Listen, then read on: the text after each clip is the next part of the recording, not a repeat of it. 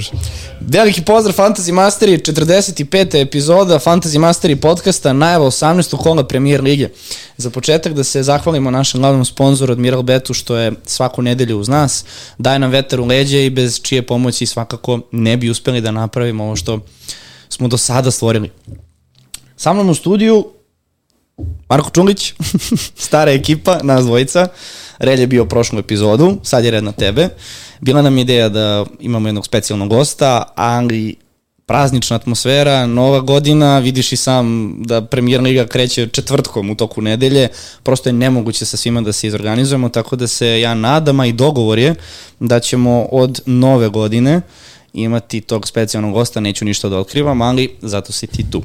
Veliki pozdrav i tebi Nikola, drago mi je da sam ponovo u studiju, uzeo sam malo bolovanje, neplanirano nažalost, tako da sam se odmorio, oporavio i sad da završimo ovaj decembarski maraton kako doliko, do duše imat ćemo još jednu epizodu sad boga mi u nedelju, ali ovo 18. kolo, specijalno na više načina, pre svega prvo malo prazno kolo. Ja ću te odmah pitati, da li smo ikada kasnije krenuli sa snimanjem? Se Pa ovako neko doba Ne sada da, krenuli. mislim da nismo, evo, da znate, ovo, sada je 10 sati uveče, snimamo podcast koji će izaći odmah sutra ujutru. Ubi Tako nas, da, ubi nas raspored premijer lige, pa će u četvrtak čoveče da...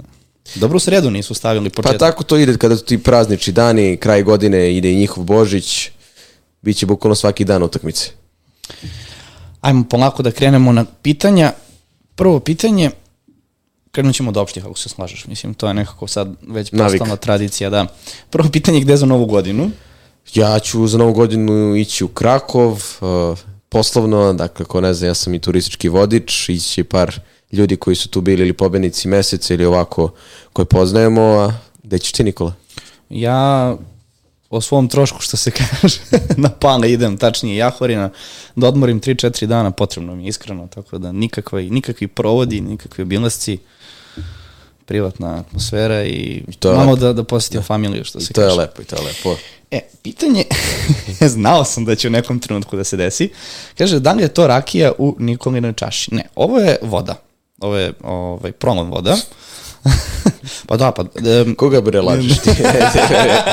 ne, Koga ne, ovo je, lažeš? ovo je, ovaj, ne stvarno prolom voda, ali znaš zašto sam počeo da pijem svaki put prolom vodu? ne.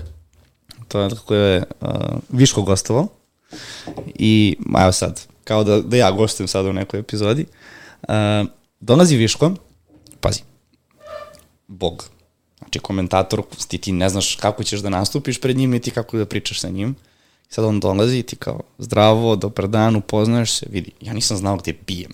Ja, ja sam rekao to posle Riki, u prvih 10 minuta epizode, ja, ja se i dalje ne sjećam, nema šanse, moram da pustim epizodu da bih video ja šta ću, šta ću, znaš, ono, staro srpski, daj, drmni jednu da se malo opustiš i tako smo dobro krenuli epizodu i tako mi je nekako bila ta opuštena atmosfera na početku, iako je se ne sjećam, i onda sam rekao sebi, svaku epizodu, jedna Malo- tradicija, pa dobro, jednom nedeljno, jedna čašica mineralne, odnosno promog vode. Znači ta prolomača, a? da, da, zato se i ne sjećam epizode. Tako ja, Zato ne, ja ovaj, pijem čaj, hladno je. Ajde, nekoga lažeš, ti uopšte ne piješ, tako da, Dobro, to da, šest godina. jel neko loše iskustvo ili samo... Bukvalno, prestao sam da pijem da bih uštedao pare. Da, ti si osoba koja ne pije, ne puši, uh, ne drogira se. Dobro, da, to se podrazumeva nekako. Ne pije kafu. Kao, Dobro, to prosto, eto, ali pije čaj. Ajde, dosta, dosta, dosta o kako piću. smo završili na tome. da. Uh, pitanje je ko osvoja premijer ligu? Volimo ovako uopšteno na početku, znaš. Pa sad, ono, ko bude prvi na Božić, on ima kao najveće šanse e, da osvoji premier ligu, ali ova sezona zaista je jedno najzanimljivijih trenutno iz tog nekog ugla borbe za šampionsku titulu, jer eto imamo Liverpool, imamo Arsenal, imamo Aston Villa, naravno ne možemo da isključimo Manchester City.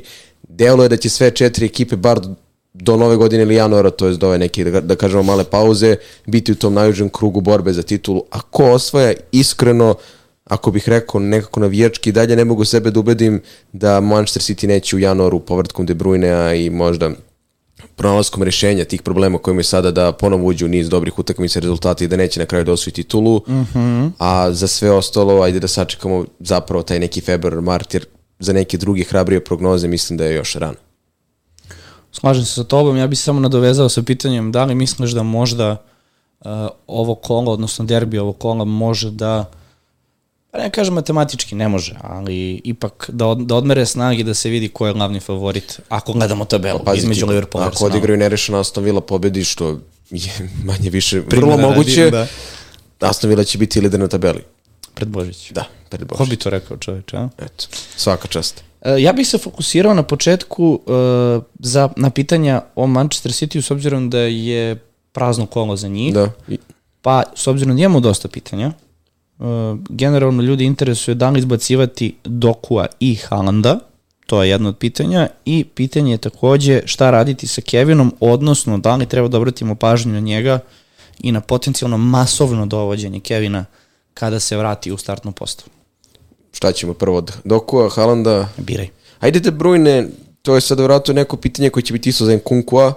Ja lično nikad nisam bio neko ko je bio pristalic toga da se igrač automatski dovede u fantasy tim eh, čim se oporavi, čim krene da igra, jer eh, ipak je to bilo osetljiva, ozbiljna povreda koju on vuko već neko vreme, pa je zato morao na operaciju poznavajući Pepe i njegove rotacije, stvarno ne verujem da će Kevin da uđe onaj ritam 90 minuta ili da igra sve utakmice, ali ako on uhvati neki ritam i ako budemo videli konstantu pre svega u njegovim nastupima, on zaista može bude ona opcija kao što je bio tokom prethodne godine kada je bio zdrav.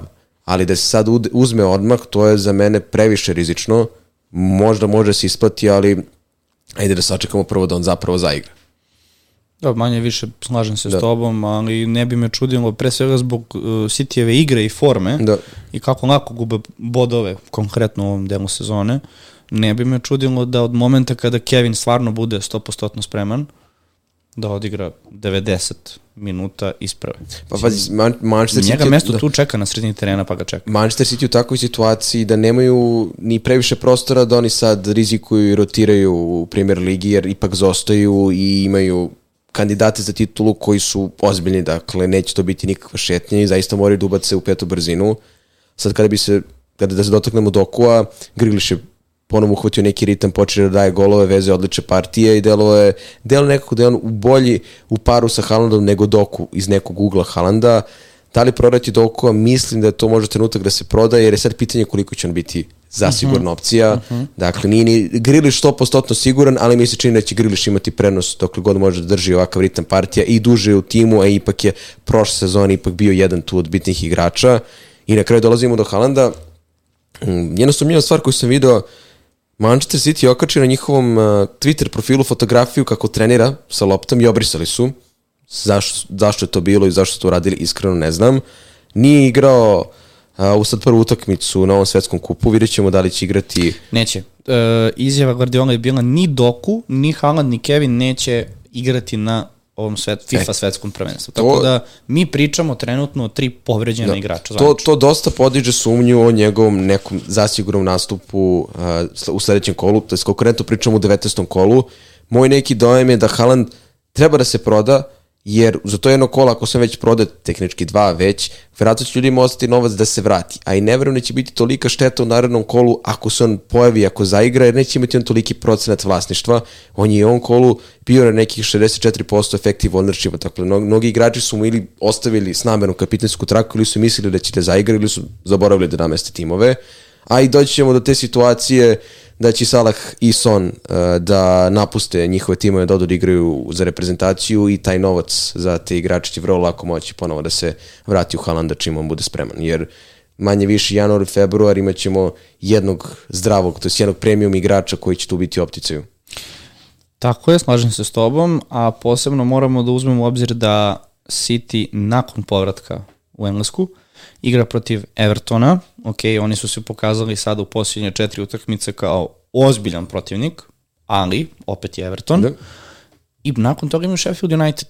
Dakle, ne bi me čudilo Haaland stvarno da bude spreman za ove dve utakmice. Delo bi da ga namerno odmara za ovo svetsko prvenstvo, jer ako ćemo iskreno, koliko god to možda bi, bi imalo neki prestiž, ništa više od toga nije. Mislim, uh, Zna se ko je obično, dakle, najjači tim je pobednik Lige šampiona, ovo je neka turistička atrakcija, verovatno za njih. Zna se ko je mnogo bitni trofej tu Tako je. u evropskim okvirima, Tako, ali tako da... svaki trofej je bitan, ne Pa dobro, da na, kažemo. da- naravno, naravno, ali samim tim što imaš situaciju sa takvim postavama i takvim ekipama, prosto realno, Da. kad, eh, kad uporediš kvalitet, mislim da vidiš da, da je turnir prosto napravljen eto da bi se održao. Dok Da. ovaj novi koji će biti Fifin, od sledeće godine ili koje već ako nisam siguran, to će već biti posebna priča, ali to je neka druga tema. Ja bih tu samo bio oprezan jer stvarno ako se Haaland vrati m, naredne tri od četiri utakmice koje on može da igra su Everton, Sheffield, Burnley. Stvarno može da se desi ako se tu potrefe postave, dobra forma, Everton ako stvarno kiksne u odbrani, Haaland može tu da nakupi 4-5 komada bez problema. Da, da li misliš možda da može bude ona situacija da Pep proceni da City može da odradi Everton i Sheffield i samo Everton bez Haalanda i da ne zaigra? Pa do, do, kao što su i Crystal Palace odradili. Da. Da, da, da fantastično. Doći ćemo do, sad je prva utakmica Crystal Palace Brighton. Pa, ali upravo to. Da. Dakle, sad je stvarno pitanje da li on može da priušti jednu utakmicu protiv Evertona bez To, to je ono što smo rekli za Kevina De Bruyne. City nije u situaciji da rotira i da eksperimentiše. Dakle, ka, kad su igrači zdravi kada mogu da igraju, City mora sada bude u punom naponu. Apsolutno. Uh, ali opet ono što je bitno, pogledaj razliku između prvog i četvrtog mesta. Dakle, Liverpool je, da kažemo, pobednik prošlog kola, vrlo verovatno, možemo to tako da gledamo. Uh, Kako misliš pobednik prošlog Pa, mislim- kola? Odigrali su nerešeno. da, nerešeno, ali ok, zadržali su, iako je bio derbi, apsolutno su zadržali tu prvu, u stvari ne, oni su pali čoveče. Arsenal je preuzeo. Da, ja, ja sam potpuno, potpuno, potpuno skrenuo. Da, da, Nosiš da, njihov izvini, dres. izvini. Šta? Nosiš njihov Da, da, dres. Arsenal, da, da. Ne, amnezija totalno. Ovaj, da, oni su pali na drugo mesto, au čoveče. Uh, da, onda, onda ništa sa, sa Liverpoolom, ali vidi šta hoću da ti kažem s druge strane. Oni, iako su skupili te bodove, uh, i dalje je minimalna razlika između te četiri ekipe. Dakle, pričamo o City-u koji ima ozbiljan trenutno problem, realno u posljednje vreme ja se ne sjećam da su ovako zaglibili, jer nemaju apsolutno predstavu šta na terenu, gube prednost od 2-0. Mislim, to, to nije City kakav poznajemo. I opet kad pogledaš koliko bodova beže, odnosno koliko im bodova fali, to nije nedostižno. I da se ostale ekipe priključe. Tako da mislim da ako uđem u taj period u januaru, koji je dobro poznat za City, m, nemati Haaland u tom trenutku pff, može biti ozbiljan problem. Iako je sad ovo kolo prazno, slažem se, ali ajde da vidimo. Mislim da je to možda Ali, ali krucijalno da, pitanje. možemo da se usaglasimo na nečemu. Nije sad smak sveta prodati Haalanda za ovo 18. kolo, jer svakako već od 21. kola nemamo Sona i Salaha, a 90% igrača može i više imaju barem jednog od njih, oslobađa se veliki e, prostor u budže- budžetu, Haaland lako može da se vrati. Ako neko može potroši novac Haalanda na dva, tri dobra igrača, vrlo lako će moći da vrati ili u najgorem slučaju, bez obzira što nije neka moja preporuka, dolazi novi wild card, ako nekom baš gori pod nogama Tako je. ili po svaku cenu hoće da ima Haalanda i to je rešenje, mada moj predlog da se malo sačeka naravno. Tako je. Dobro, hoćemo da počnemo sa najavom kola. Nema više pitanja. Pa mislim manje više ja sam sad izdvojio neka koje ćemo proći kroz epizodu, mm -hmm. ali mislim evo da, da prosto ću postaviti pitanje kako smo, Dobro. to nekako je svaki put. Oporavio sam se. da pa, e, ovo je prvi put da sad ovo pitanje ima stvarno da, neko... ima smisla. Da. E, ajmo mi da počnemo sa Mhm. prvom utakmicom ovog kola, a to je četvrtak. Zašto? Zašto? Nema veze. Četvrtak Crystal Palace Brighton. Eto, taj Crystal Palace, uh, silom prilika Nikola i ja smo gledali zajedno uh, prvih 60 minuta utakmice Manchester City, Crystal Do, Palace do, do trećeg gola. i on je baš otišao u trenutku kada je Crystal Palace uh, postigao prvi, a potom i drugi gol. To je, ti ja smo komentarisali kako Crystal Palace umeo da naškodi prethodnih godina i da namuči Manchester City, sada su bili bez Eduara, Eze, Eze je dobio tek neke minute pred kraj i eto, Crystal Palace, Leicester i Tottenham. To su Da. tri ekipe koje Kriptonit. su... Da, apsolutno, apsolutno. Ali iskreno ne mogu da se setim kada je City dozvolio da ispusti prenos od 2-0 u Premier Ligi. To je nešto što me jako interesuje ako ima neki statistički podatak da izvuče kada je City ovako prosuo tri poena na svom terenu. Pa možemo pronađemo... utakmice koja je gotovo rutinski bila skoro Da, rešena. na 2-0 Da, to je bilo okej. Da. Crystal Palace ništa specijalno nije uradio, imali su jednu šansu ako se ne varam. da. Ima je ono izletanje Ederson u prvom polovremenu pa je dobio žuti karton kada je Mateto. Dobro, da, ali ne gledam to Da. kao šansu jer nije bilo na Da. kraju šuta, ali ok, da, i to je bila ozbiljna prilika. Ali manje više što ti kažeš, utakmica je bila spakovana, nekako je i tempo usporen u nekom trenutku I jedan gol, panika, penal. i to jako, jako glupa situacija. Mislim, po City da tako dopusti sebi, ali upravo to što kažeš, ja se stvarno ne sjećam kad se posljednji put desilo 2-0, eventualno možda protiv Tottenhema, da li je to bila Liga šampiona, Ona čuvena utakmica kad je poništen gol Sterling u posljednjoj sekundi. Da, a ne znam Možda da, je City tada u nekom trenutku imao dva golna prednosti. Sećam se jedne utakmice tipa pre 4-5 godina Manchester City, Manchester United, City vodio 2-0, gdje United Jeste, bravo, na bravo, pa to Etihadu je- na 2-3. To Smalling je nešto tu učestvovao u golima- Smalling golovima, i da. Pogba. Da. I Pogba je dao. Eto, dakle, da, da, da. pa to je 5 godina. Znači, dugo, ogroman period da je City je- tako nešto ispustio. Da, to je sezona, da, to je ajde sezona da se, da se mi da. vratimo na Crystal Palace i Brighton. Jako čudna ta ekipa Crystal Palace, nekako nepredvidivi, tvrdi, često su naravno negledljivi bez neke uvrede ili na, prosto želje da ih diskreditujem, ali iz tog nekog neutralnog navijaškog ugla nije neki tim koji bismo poželili uvek da gledamo, ali imaju zaista neke futbalere koji su onako lutini i mogu da naprave neku razliku na terenu i sad igraju sa Brightonom koji je prvi put od februara meseca odigra utakmicu da nije postigao gol. Primili su gol, eto na svakoj utakmici ove sezone prosto primaju gol, imaju probleme i sa Joelom Veltmanom i on se sada povredio i neće ga biti neko vreme. Još jedan u nizu klubova igrača koji prosto muče muku sa povredama. Ova utakmica dolazi onako u četvrtak, jedina utakmica. Kada gledamo to iz ugla fantazija, verovatno ima dosta pitanja o Mateti kao opciji, jer ne znamo do kad neće, do kad neće biti Eduara. Dao je penal, iskoristio penal protiv Liverpoola, a, dao je gol sad protiv Manchester City, iznudio je penal koji posle izveo Lis, tako da za tu neku jeftinu cenu, a zaista je među jeftinim napadačima u ligi, ne mogu da kažem da pre svega zbog ovih poena koje je donao protiv uh -huh, dva, uh -huh. dva od tri najjača tima u ligi, ne može bude zanim, zanimljiva diferencijalna opcija, naročito jer im dolazi Brighton u goste koji je na svakom meču primio gol. A onda to mora da otvori i neku priliku Olisu ili Ezu uz pretpostavku da će biti starter, da mogu da budu zanimljivi diferencijali, jer je Brighton ekipa koja ima takvu tendenciju da prima golove.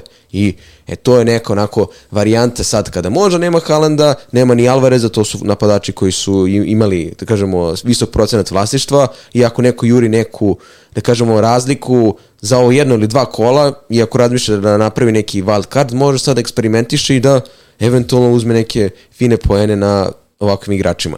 Odbrana oba tima, mislim, Brightona ne bi komentarisao, zapravo nisu ništa odbranili ove sezone. Ma da, to- Crystal Palace imao period onih dobrih utakmica gde su mnogi imali Andersena, Geja ili Michela.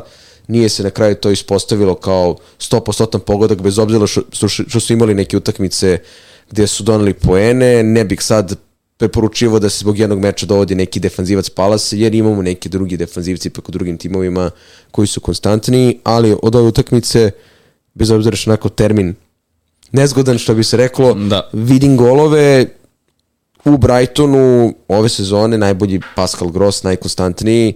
Već neko vreme ne može se uhvati neka konstanta u tome ko će, ko će da donosi poene od napadača. Dakle, mi Toma uglavnom u posljednje vreme, to je konkretno kako nema i stupinjana i problemi sa povredom i rotacija, pa su tu poene uzimali osim Grossa, malo od Ingra, malo Ferguson, malo Pedro, ali nedovoljno je to prosto konstanto da bi bile neke zasigurne opcije. To se opet vraćamo na one priče, mogu da naprave razliku, mogu i, Crist- mogu i Crystal Palace da postinu gol, ali nije neko ko je pouzdan kao što je bio Oli Watkins ove sezone ili Solanke u poslednje vreme. I to su ti već dva napadača koje bi imala prenos verovatno umesto Fergusona ili Joao Pedra. Pa, apsolutno, mislim da je, s obzirom da je prvo pitanje baš za Crystal Palace Mateta kao Da. treći eventualno napadač, baš slabo si mi ostavio prostora da ja tu šta dodam. Pa ne, Samo sad- bih napomenuo da ipak spominjemo Crystal Palace kao ekipu sa možda najtežim Rasporedom. rasporedom, koji je već počeo za njih, a opet imaš Matetu koji donosi bodove, logično je da postaviš pitanje, ok,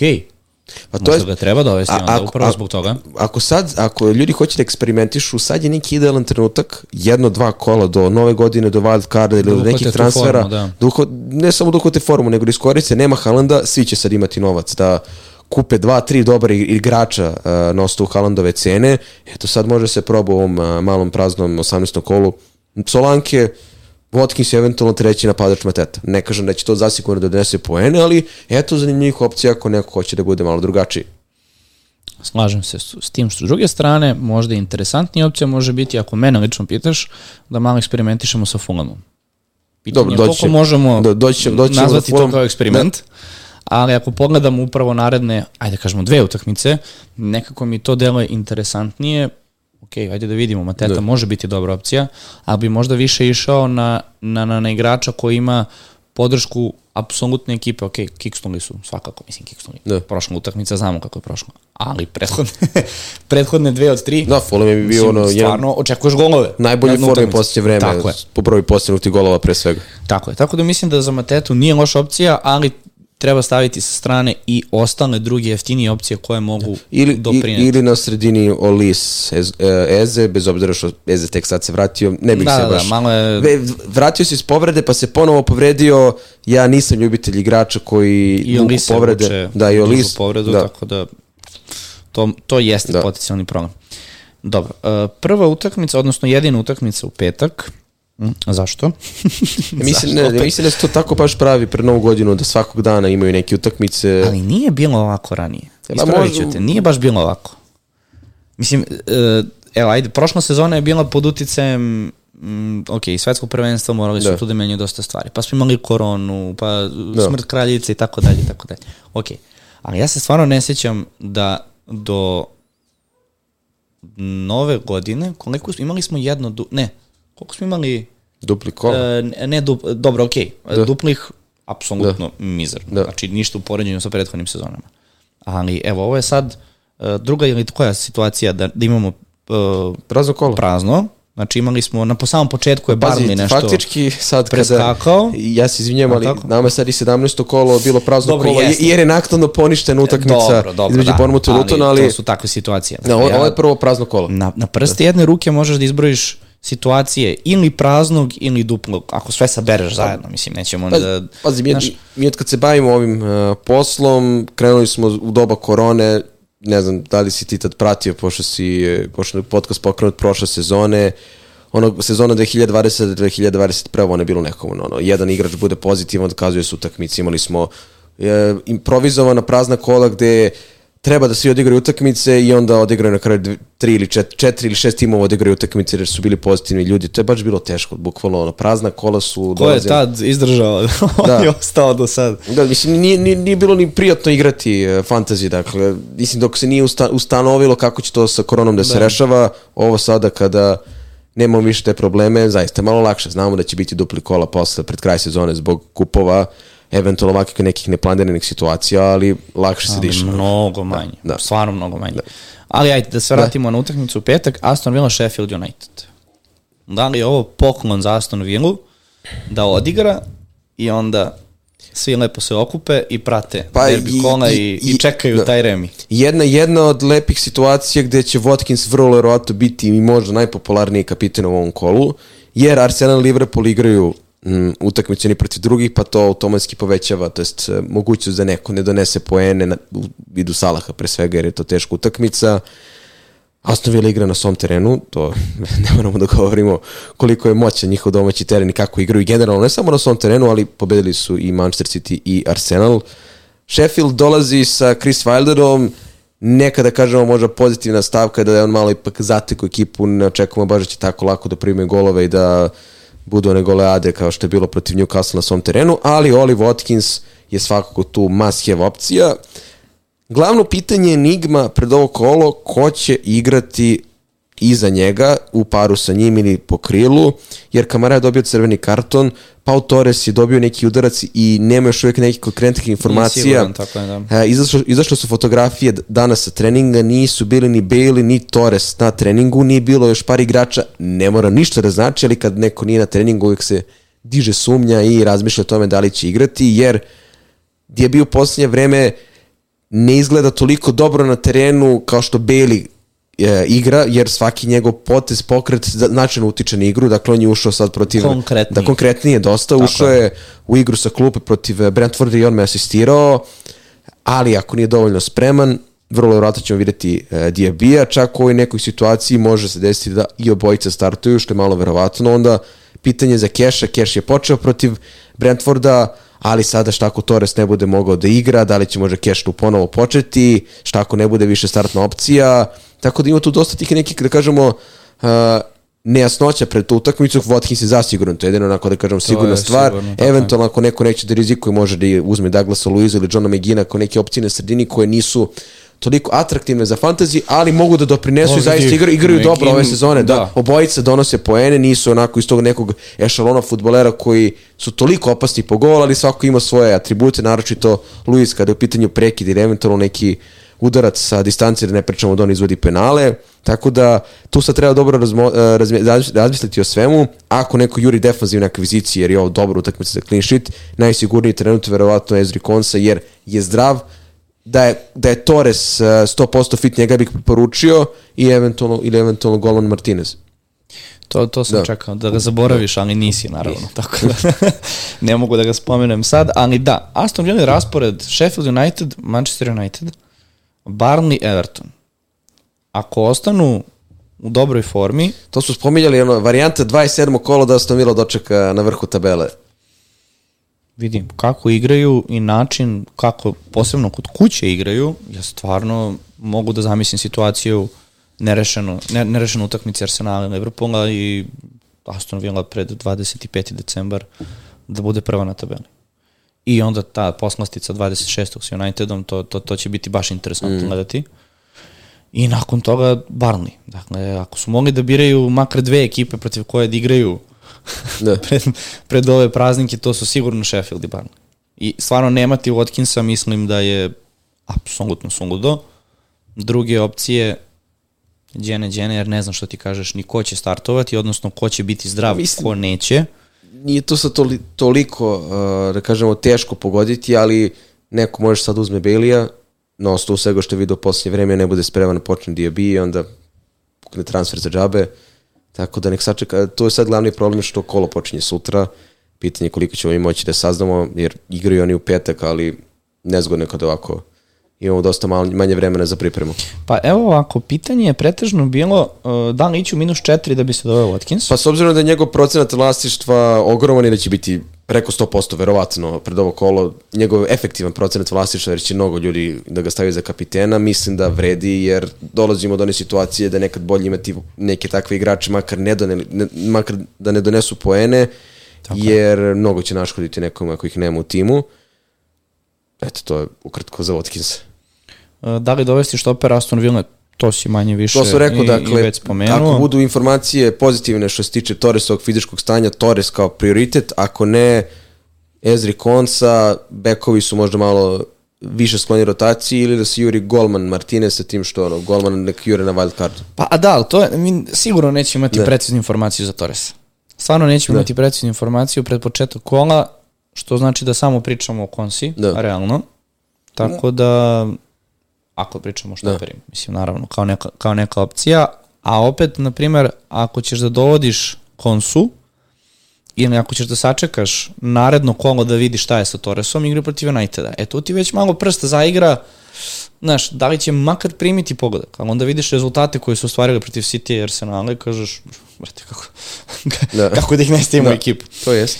To jest. E, još jedno pitanje, ako se ne varam, bilo, kog umesto Diabija, pretpostavljam da je to pitanje za bilo koju Pa opciju Premier Ligi. da, Nije, jeste, da je Bailey uh, 100% fit i da imamo informaciju da će da igra, ja bih čak tu preporučio Bailey-a, jer zaista u posljednje vreme igra odlično, a ovako, umesto Diabija, verujem da mi ponestajemo sa tim nekim opcijama, da ono, te- teo sam da prepo, preporučim Gordona, Baš, da, ne, ne, ne. Da, sad, sad i Gordon se uh, umeđu vremenu povredio, može se proba sa Hwangom, a, Kudus igra dobro posljednje vreme, naravno tu zavisi sad da li svi imaju dovoljno novca, ali Kudus mi deluje kao neka opcija koja bi mogla da bude zamena za Derbija po toj nekoj ceni. Jer ne znam kad neko loš pita... raspored, to je, mislim, loš. Ne, nema za napadača lošeg rasporeda ako je u formi, svakako ćeš ga dovesti, ali United, Arsenal, Znaš, Brighton znaš su naredni tri ako, ne, utakmice. ako neko nema Palmera, od ovih, od ovih Palmera preporuči. To kad neko pita koga umesto Derbija možemo da kažemo Da. kojih je tih par fulbara, Palmer, Hwang, uh, Kudus, Bowen, možda neko ima su- 5-6 miliona još dodatno Tako u, u tako. banci. Uh, Palmer igra protiv Wolverhamptona, Crystal Palasa i Lutona.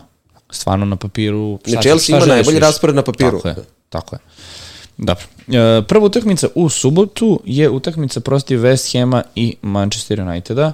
Svakako, kad pričamo o West Hamu, to prvenstveno pričamo o glavnom trojicu, odnosno trojici Boga mi se igrača. četvorica. Pa da, Mislim da...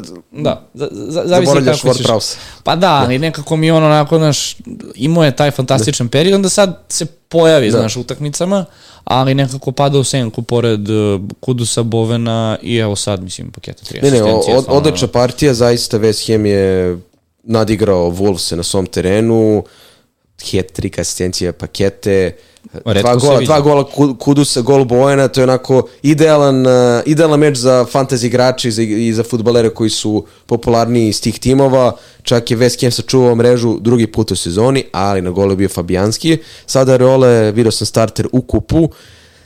Da li će biti golmanske rotacije? To je sad dobro pitanje, jer Areola je jedan od golmana, od golmana koji ima visok procenat vlasništva, jer je još na početku sezone ima odličnu cenu. da. tako.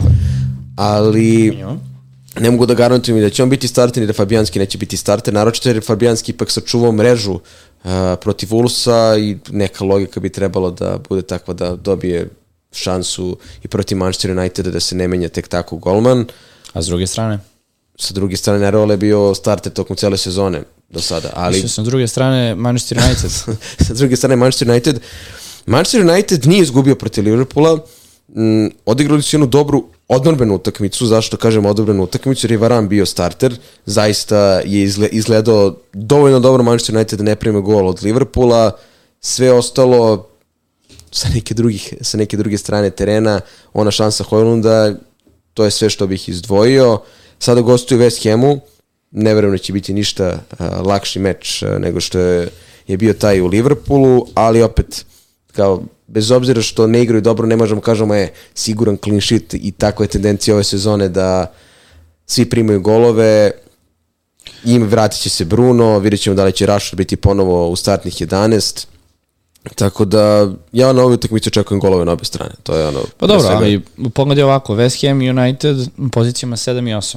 Dakle, ovo je six pointer u suštini. Six pointer, pa nije ovo borba za opstanak. pa nije, je borba ali- za, za ligu konferencija. Pa nije, slažem se da nije, ali mislim, gledam iz Da. ugla six pointera zato što jedna i druga ekipa United mora da se vrati Da. u top Mor- 4-5 ako moram- želi da... Moram da istaknemo Nanu. Imao sam ga na početku sezone i pored svega lošeg što je zadesilo Man- Manchester United, on se dalje kotira bar po broju poena kao jedan od najboljih golmana, golmana lige, bar kada pričamo o fantaziju, 11 pojena protiv Liverpoola, neke sjajne odbrane, imao je on kick seve na početku sezone, bio je dosta kritikovan sa pravom, ali neko ko je ostao dosledan, one logike da ne dira golmane, kako to englezi kažu set and forget i da je ostavio Nanu, boga mi dobro bi prošao. Dobro bi prošao.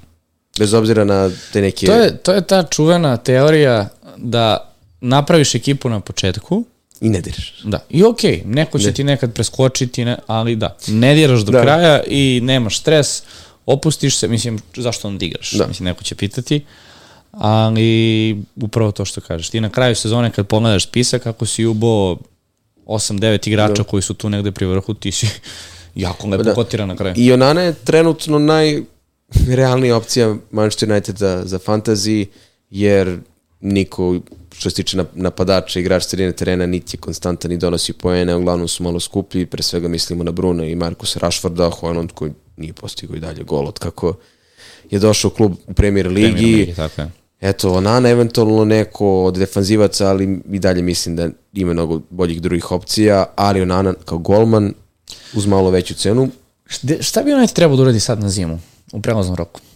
Pa sad bi mislim, radio? kada, bi, kada bih rekao da ponovo treba da dovede napadača, tako ćemo da idemo u dan mr mrmota i da ponavljamo iste priče. Dobro. Pre svega, pre svega dobio, mora, Dobio si 100 Da. miliona. Ne, Pre svega- dobio si 150 pre svega miliona. mora da se radiš? vidi, pre svega mora da se vidi status Varana i Kazemira. Da li će da idu u Saudijsku Arabiju, da li će da napuštaju klub. Ovo može bude dobra vest za sve ako Varan posle ove utakmice ponovo bude starter i reši te neke probleme koje imao sa Ten Hagom, nije jedini ko imao, ali o, ako Kazemiru ide, ponovo treba da izađe na tržište da vidi nekog kvalitetnog zadnjeg veznog, jer mislim da Amrabat nije taj kvalitet za Manchester United, a da ni McTominay, bez obzira na njegovo učešće u napadu, nije igrač koji može da odgovori na sve zahteve na toj poziciji.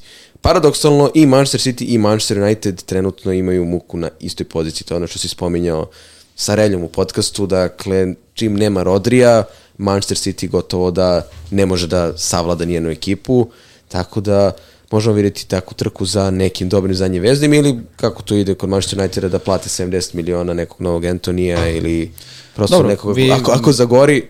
I da sačekamo da se oporave svi igrači, jer ruku na srce, pored svih problema koji su imali nevezano za povrede i povrede su ozbiljan faktor bile ove sezone, eto, ova nula koju su čuvali protiv Liverpoola može bude bar neki putokaz da ovaj odbrmeni, da kažemo, bedem, to jest e, četvorica koja stoji ispred Onane, pre svega noseći Šo i Varan mogu eventualno da stabilizuju uh, zadnju liniju Manchester Uniteda. Teško je tu i pričati o pojedincima iz da. Uniteda, čak i pitanja koje imamo za ovu utakmicu su sva vezana za West Ham. Dakle, nemamo ni jedno da. baš konkretno pitanje za Manchester United. To dovoljno govori o Manchester Unitedu za fantasy, kad niko ne pita. Tako je. Ja sam tebe tebe pitan koja je startna postava Uniteda, koja je startnih 11? Ajde, za, odbrana i nekako da skrpiš, da to kažeš. To vidiš da počinje McTominay, Amrabat, Antoni dele najsigurniji, sad će svratiti Bruno, pa će on tu igrati, da li će levo biti Rašo, da li će Holland biti napred, verovatno, eto, to, to je sve sad uh, enigma. Garnacho, isto. Dakle, zadnji vezni i da se popuni Varan ako eventualno do Saudijske da. Arabije. To, to bi radio. Pa, mislim, da, da se ja ako pitam... Ako bojica ostaju, šta bi, šta bi, šta da, bi da, da se ja pitam, ja bih ponovo jurio neko zbiljnije krilo, jer ja smatram da Antoni nije kvalitet za Premier ligu, ali to je sad onako već vraćanje istog filma i dan mrmota. Svaki put pričamo. I, na, i, na, i napadač između ostalog, ja mislim da Hojlund nije netalentovan, da nije on slučajno uh, bio na radaru Manchester United, da bi na radaru drugih timova, ali konstant, United bi zapravo rešio sve probleme Harry Kane da je došao na leto. Dakle, takav tip Uf, napadača da. koji je proveren. I Hojlund to nije. I naravno, razgovori sa Markusom Rashfordom, nalaženje rešenja njegove, njegovog psihološkog stanja, loših partija.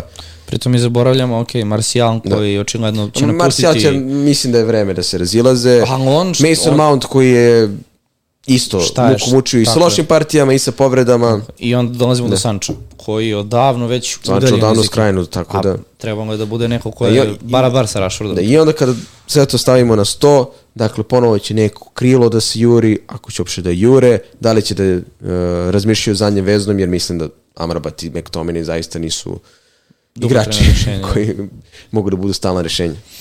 Dobro, imaš neku preferenciju? Trenutno nemam, hoću da Vidim. Ko će se završi sezona? pa dobro, ali imaš nekog, ovaj, si razmišljao ko bi možda bio dobra opcija? Pa ti ja su pričali o tim nekim opcijama za City, što onda deluje nerealno za Manchester United, kao da se pojeri, ne, neki Kimih, ali... Ko, dobro, ko bi došao, ko bi, koji igrač svetske klase bi trenutno došao u ovakav Manchester United? To je isto dobro pitanje. To je dobro pitanje, da. jer e, mi smo spominjali uh, Frenki, Kimih i Gimaraš. Da. Gimaraš koji igra u Newcastle ove sezone, prvo pitanje je da bi ga Newcastle uopšte prodavao. Ili Jelinton, Jelinton je tim igra, tip igrača koji bi... Jeste, da. ali nekako mi deluje da Jelinton u nekoj drugoj sredini ne, ne, bi, ne bi igrao i ne bi se snašao da. kao što je u Newcastle. Kao što imaš Final Duma. Što mislim da bi Jelinton igrao još bolje vrat u Manchester City u tom nekom sistemu. Ne. Misliš, ne bi? Ne. Moja neka procena. Ne, on mislim da on nije toliko tehnički potkovan i toliko da razume taktiku koju Guardiola želi. Mislim da to nije ništa da, loše, da. samo jednostavno nije igrač za Guardiolu. Uh, Frenki, mislim, flirtovali ste sa njim, ali očigledno da je čovjek želi da, da. provede svoj život u Barceloni i to da. je to. Kimih je potencijalno interesantan, jer ne zna se sa njim, prosto, znači on produžiti taj ugovor, to je ogromna suma novca koju bar može dobiti za njega, a ništa se ne dešava, ne, nije dalje produžio da. ugovor, ne žele da ga izgube za ništa, je li tako?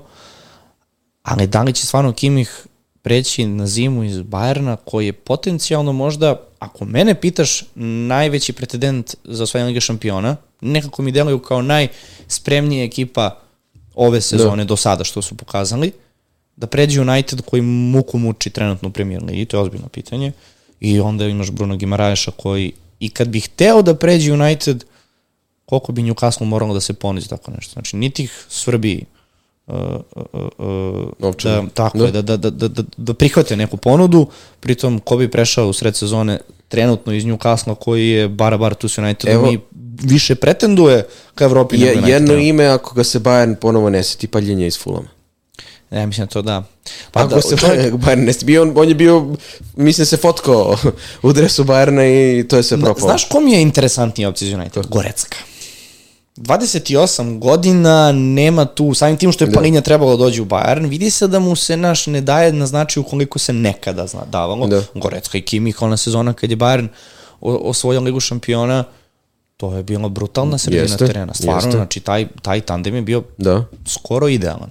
Ali mogu da vidim jednu Gorecku, na primjer, u, u Manchester Unitedu, dok Kimiha ne bih mogao da vidim. To Ali je... Paljinja?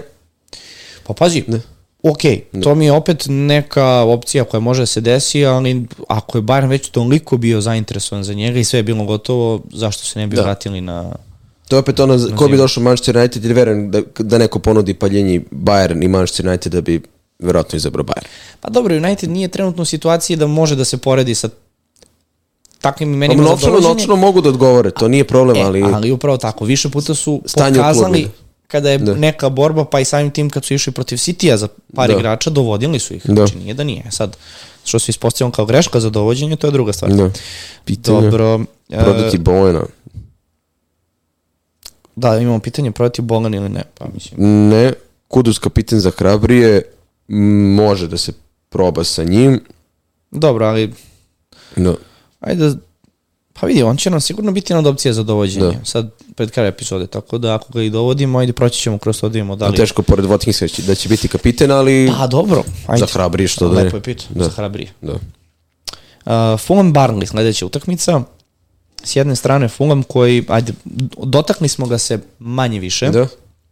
Jako lep učinak su imali do prošlog kola. I onda... Pa Dobro, onda je prosto- malo Jimenez reši kao kantona. da. Šta je ono, brate? Ne, ne, ono nije ni Maj Geri da kažeš, ono je baš bio Ne- kung fu. Znaš koja je meni bila ovaj, prva asocijacija? Sećaš se pre par godina onaj mim koji je bio onaj Counting Stars? Pa kao ono, t, kad, to je ono kao kroz kad- svemir. znaš- e, nekoga da, da ga isekao u onom trenutku, brate, šta, Moje, šta je bre ono? moje dečije pamćenje ono, seže davno još kad je Stamenković bio golman zvezde, kad je, mislim, protiv Jagodine tako uleteo protivnika, samo što on dobio tada žuti karton, a, a Jimenez dobio crveni, tako da, a obojice su išli na loptu, kako bi to rekli. Ali da, to je na kraju od, odlučilo manje više dalje tok utakmice. Sad, uh, Fulham ima zanimljive te igrače koji su jeftini. Uh, uglavnom neki su godinama već u premier lige, neki su i onako da kažemo veterani, pre svega mislimo na Vilijana, imamo tu Andresa Periru koji prošle godine bio hit čuvena opcija sa klupe, imamo Aleksa Ivobija koji je onako uglavnom bio tema kritika i nikad nije bio na nekoj pozitivnoj strani fantazije u smislu da je bio popularna Tako opcija. E, sad neće biti Jimenez u napadu, eto prilike za Viniciusa da bude starter i ponovo se otvara ona priča, ok, ovo je još jedan diferencijal uz Matetu, ali Tako je. koliko zapravo moraš imati herca da bi doveo Viniciusa pored svih drugih igrača. Pa vidi, više herca nego Barnley. Mislim, Jeste. To zaboravljam. I kada bih ja dovodio nekog iz Fulama, Znaš, bih prvo razmislio o Lenu kao jednom od golmana koji je takođe među boljima u ligi i kako i što se tiče odbrana, a i Fulham je umevao da sačuva svoju mrežu, to jest umeo da sačuva svoju mrežu na nekim utakmicama. Barley može bude upravo ta utakmica, naročito na Craven Cottage-u. Da vidimo da li ima nekih pitanja. Pa, mislim, pitanje je upravo to. Dakle, da li odbrani- prodati Vobija? Da smo mi dovesti Ivobije. Uh, Ja, ja, ja ne bih dovodio tako pa, tipa igrača. pitanje je da li, pro, da, li, da li prodati Vobija. A imamo i pitanje da Probati. li... Ne, ne, imamo i to pitanje. Dakle, imamo oba. Znači, neko je već dovodio i neko je već razmišljao o dovođenju. Znači, imamo dve strane.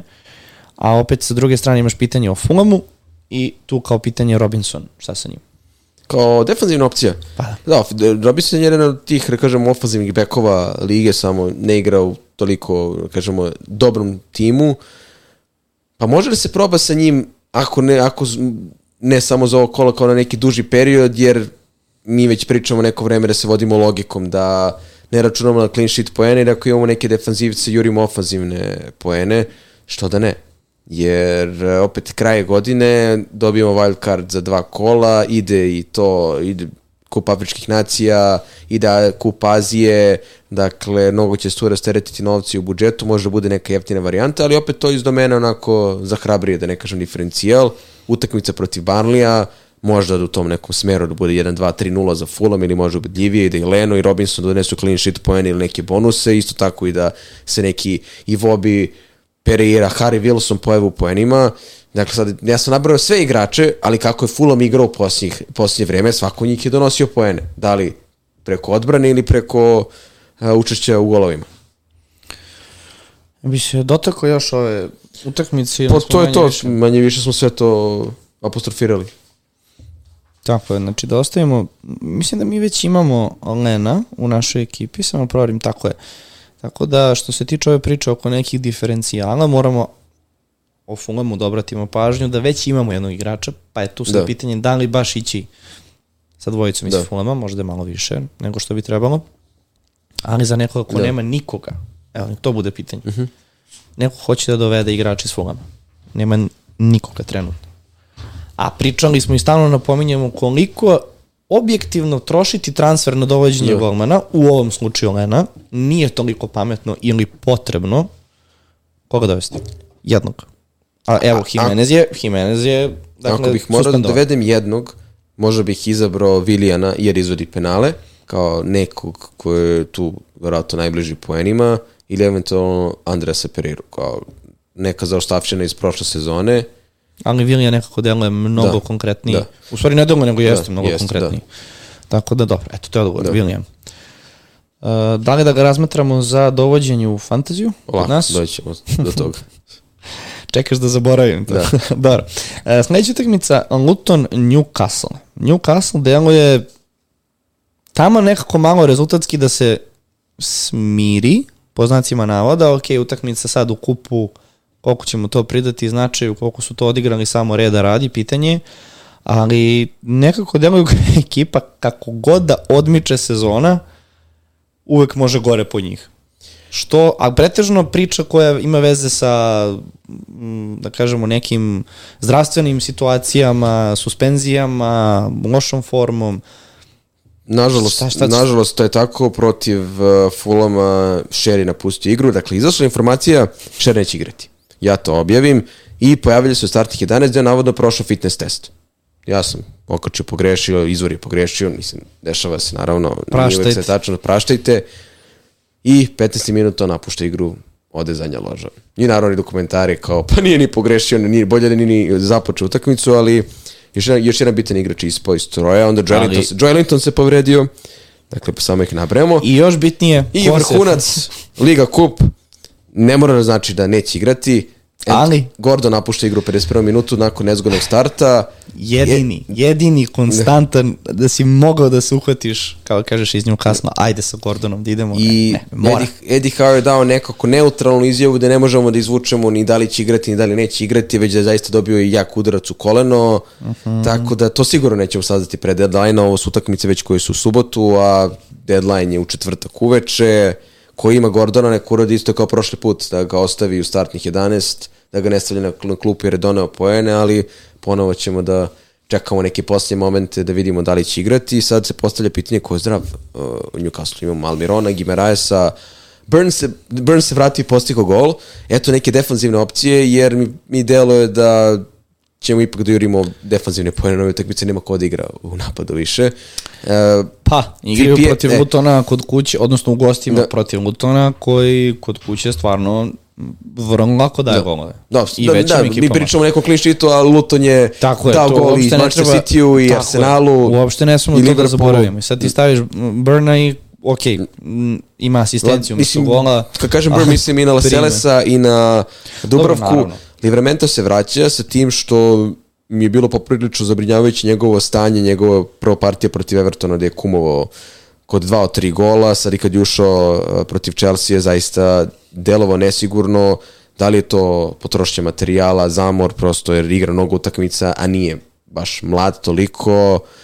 Ne verujem da će da njegovo starto mesto bude upitno da će sada bude prebačen na klupu zbog loših partija jer nema Newcastle baš taj luksus trenutno da rotira uh, igrači da odmara bitne futbolere, pre svega mislimo na Trippier, ali baš onako nije delovao dobro, ne u smislu da fizički izgleda loše, nego nije dobre, par, nije dobre odluke donosio na terenu, ispetit ćemo to protiv Lutona, ali vraća se tim i naravno da će to mnogo da znači, pre svega u nekoj kreaciji, jer malo, malo postoji bez ofanzivnih igrača, ali ovde prosto sada ako ćemo da računamo da Newcastle da postiže golove, ako i Wilson spreman, trebalo bi da on sad starti napadač, ali opet je ta neka vrtečka šta ako Isak bude zdrav, pa ne možemo da pogodimo ko će bude starter. Ima i ona varijanta ako Gordona nema, a spremni su i Isak i Wilson da obojice poču pa da Isak bude levo. Previše to pitanje što je za fantasy naravno nikad nije dobro, ne treba ni previše sad tu da se opterećujemo, ali nekako je ponovo nezgodan trenutak za posjedovanje futbolera, fant, futbolera iz Newcastle na fantaziju. E, upravo to. Kao što smo na početku sezone imali savet da preskočimo igrače Newcastle, da sačekamo koje je to bilo četvrto, Da. neko peto kolo, mislim da dolazimo u situaciju da moramo da odmorimo sa pričom u Newcastle do februara. Dakle, oni imaju utakmice sada protiv Luton i Nottingham Foresta, gde, što ti kažeš, ti više ne znaš ko će igrati za njih tu startnu postavu, ko je povređen, ko nije, koliko će minuta igrati, sad, da li će oni ostvariti uh, uspeh, odnosno rezultatski uspeh, to je druga stvar. Pričamo više iz ugla fantazija, nisi siguran, prosto nepoznat je teren, a imaš mnogo korisnije i konkretnije igrače iz drugih ekipa koje su ti bitne do ove neke pauze koja se uh, koja se vodi do, do, do, do, do, do, do 13. januara. Ali ti i u januaru, dakle, pogledaj Newcastle raspored, oni sad, ok, imaju Luton i Nottingham Forest, a naredne tri utakmice, Liverpool, City, Aston Villa. Oni da se odmore i da se oporave. Koliko ti možeš staviti, odnosno baciti karte na Newcastle protiv ovakve tri ekipe? To je Dakle, igraju u nizu protiv tri trenutno najbolje ekipe u ligi. Mislim, re, Da. rezultatski gledano. Da li je to moment gde stvarno moramo kažemo Newcastle, ok, momci, svaka čast do sada, vidimo se u februaru kada prođe ovaj raspored, pa eto da vidimo ko će opstati i ko će moći da igra 90 minuta uopšte za njih. apsolutno legitimno sve što si rekao.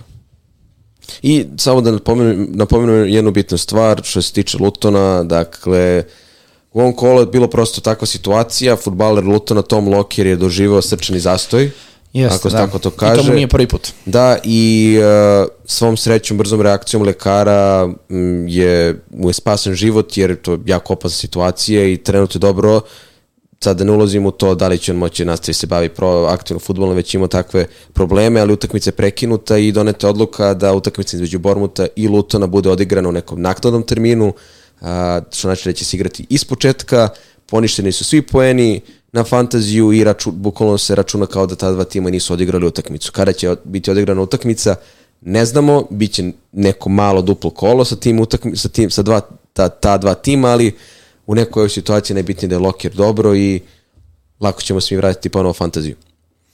Tako je, ja bi ovde uh, iz uh, Lutona pre svega spomenuo Ade, Adebayoa, da. jel tako? menjam? Adebayo koji je izbacio Adebayo- Morisa, da. Adebayo, da. Ili Adebayo, nema veze svakako napadača Lutona koji Da. u poslednje vreme... Je, vrlo mi je interesantan jer je vrlo dominantan u, u, skoku. u skoku, pre svega, da.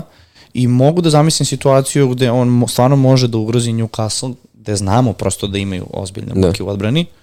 Uh, on mi je možda neka druga onako opcija, isto kao konkretna uh, uh, zamena ako pričamo o Crystal Palace-u. Eventualno da spomenemo njega. Kao diferencijalni napadač, još jedan Zašto, zašto, zašto da ne? Uh, oni nakon utakmice sa Newcastlom imaju Sheffield United. Dakle, može biti vrlo, vrlo interesantno. Da. Pritom, posle toga Chelsea kod kuće.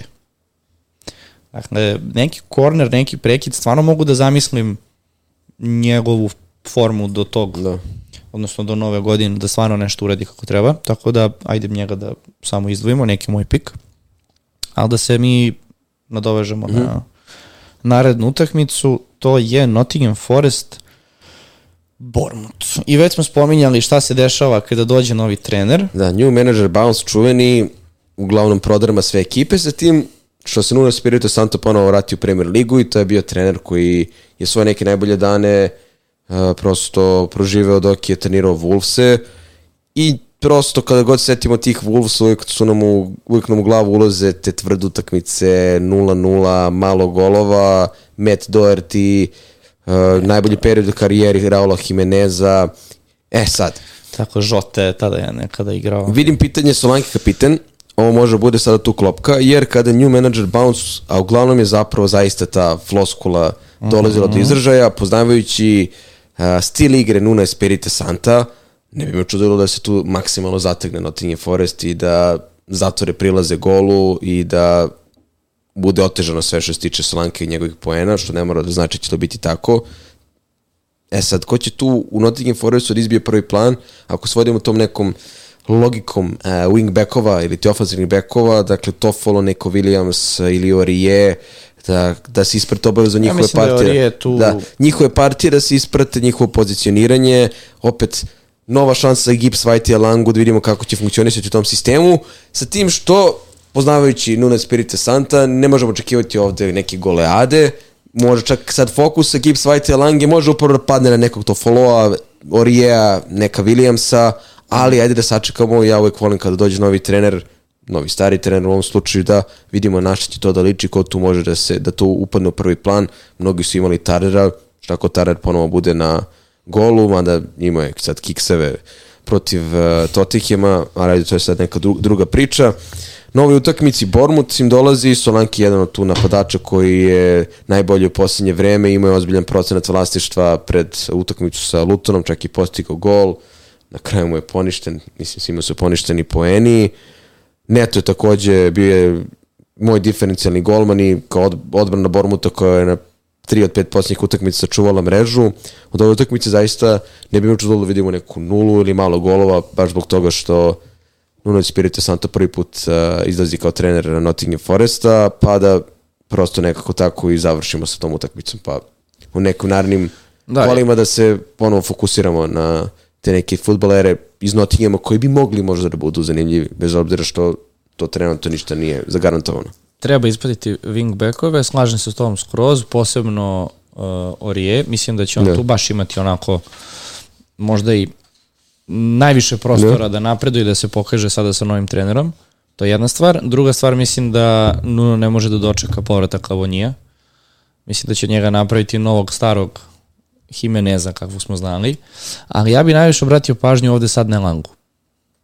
Deluje mi da upravo i na poziciji koju igra, a i dosta podsjeća na tip igrača koje je uh, Nuno voleo u, u Overhamptonu. Ok, jedina mu je, jedina mu je mana što nije Portugalac, ako će pa iskreno. Kaže će, da, da, da će da dovode, dovode Portugalci, da će Langu do ne, primora ne, da... Pa neće, ne, ni, ni, ali, oni... ali da Langa može bude neki Žota, neki Pedro Neto. Pa da, ne, neka, neka kombinacija toga, mislim da ako bi sad morao ovako na, na, na eto, Gibbs da bude Joao Pa da, ali iz fantasy ugla realno ćeš pre onda ići ka upravo Langi da. nego, nego Gibbs White-u. Ali, evo, sad da biram, pošto nema da. Alonija, mislim da, eto, treba na, na Orija, ali prvenstveno Ajde, na Elangu. Da, da, da, se, da se Orije ust, ustali prvo ponovo u startu postavu, jer trenutno nema zagarantovane minute. Može ni Orije ne bude uopšte prva opcija na toj poziciji i zato treba to ispratiti. Ne, ne, naravno, da, naravno, da. ali evo, sad ovako kad pričamo, definitivno se ispostavilo da. new manager bounce IHH koliko puta da. da stvarno može napraviti problem i da očekujemo ozbiljan učinak od Nottingham da. Foresta makar ne, u dve naredne utakmice. Mi ovde stvarno ne očekujemo da će Nottingham dobije 3-0 Bournemouth. Ne, ne, da. naravno. Okay. Ali jedino, nekih 0-0 nije uopšte nemoguće, ni malo golova da vidimo. Nije, ali jedino šta je gore po protivničkoj ekipu ne, nego kad igraju protiv nekoga ko je promenio trenera, se ispostavljamo kad igraš protiv ekipe koja izgubi 10 bodova. Da. Tako što je smo. I, I onda, ima... I postanu najbolji tim lige, najbolji odbrana. Da. I kada oni su u posljednje četiri kola, koliko uzeli bodova? Da pričamo Evertonu, da Tako je. To četiri je pobede, četiri clean sheeta, ono, 100% učinak. To ti kažem, dakle, oni su, ne da su vratili tih 10 da. bodova, nego su odmah sad u plusu od toga. Da. Dakle, to nije moglo lepše da im se potrefi, ako ćemo to tako da kažemo. Znači, prelazimo sad utakmicu Tottenham Everton. Tako je, volim da pravim te prelaze da. kad mogu. Ali da, naredna utakmica Tottenham Everton, Tottenham igra kod kuće, delno je da se Tottenham isto malo smiri, odnosno Prilagodio na situaciju. E, up, e, lepo si rekao, prilagodio situaciji, ali avaj. S druge strane, ekipa koja stvarno... Ekipa koja gazi. ne prašta, ali to da. onako engleski ga gazi, da. baš. I e sad, rezultatski i na terenu kako igraju. Gle sa Tottenham pobedio uh, Nottingham 2-0, Som bez poena, ali eto Kuluševskog je to rešario sa poenima. Kuluševski 14 poena, odigrao jednu sjajnu utakmicu, Pedro Poro, koliko ga spomenjemo, sa M sačuvana mreža, bio je par puta u šestetericu blizu do postane gol, imao je jednu skoro asistenciju Sonu. To je tip igrača koji prosto je možda vredan da ti celu sezonu bude u timu. Naravno ovako gde nemaš garanciju. Već dva puta to da. pričaš i svaki put se složim s da. tobom. Da. Mislim, Mislim da on... mi sad to ponavljamo kao papagaje, ali... A, da. Ali evo, sad imamo ovog trenutka da. van kartu. Poro, ne, ne, ne bi ga dirao. Krenemo redom, ok, ako krenemo da. od golmana, ali ajde, da. obično to slijemo za kraj. Krenemo od defanzivne linije. Poro.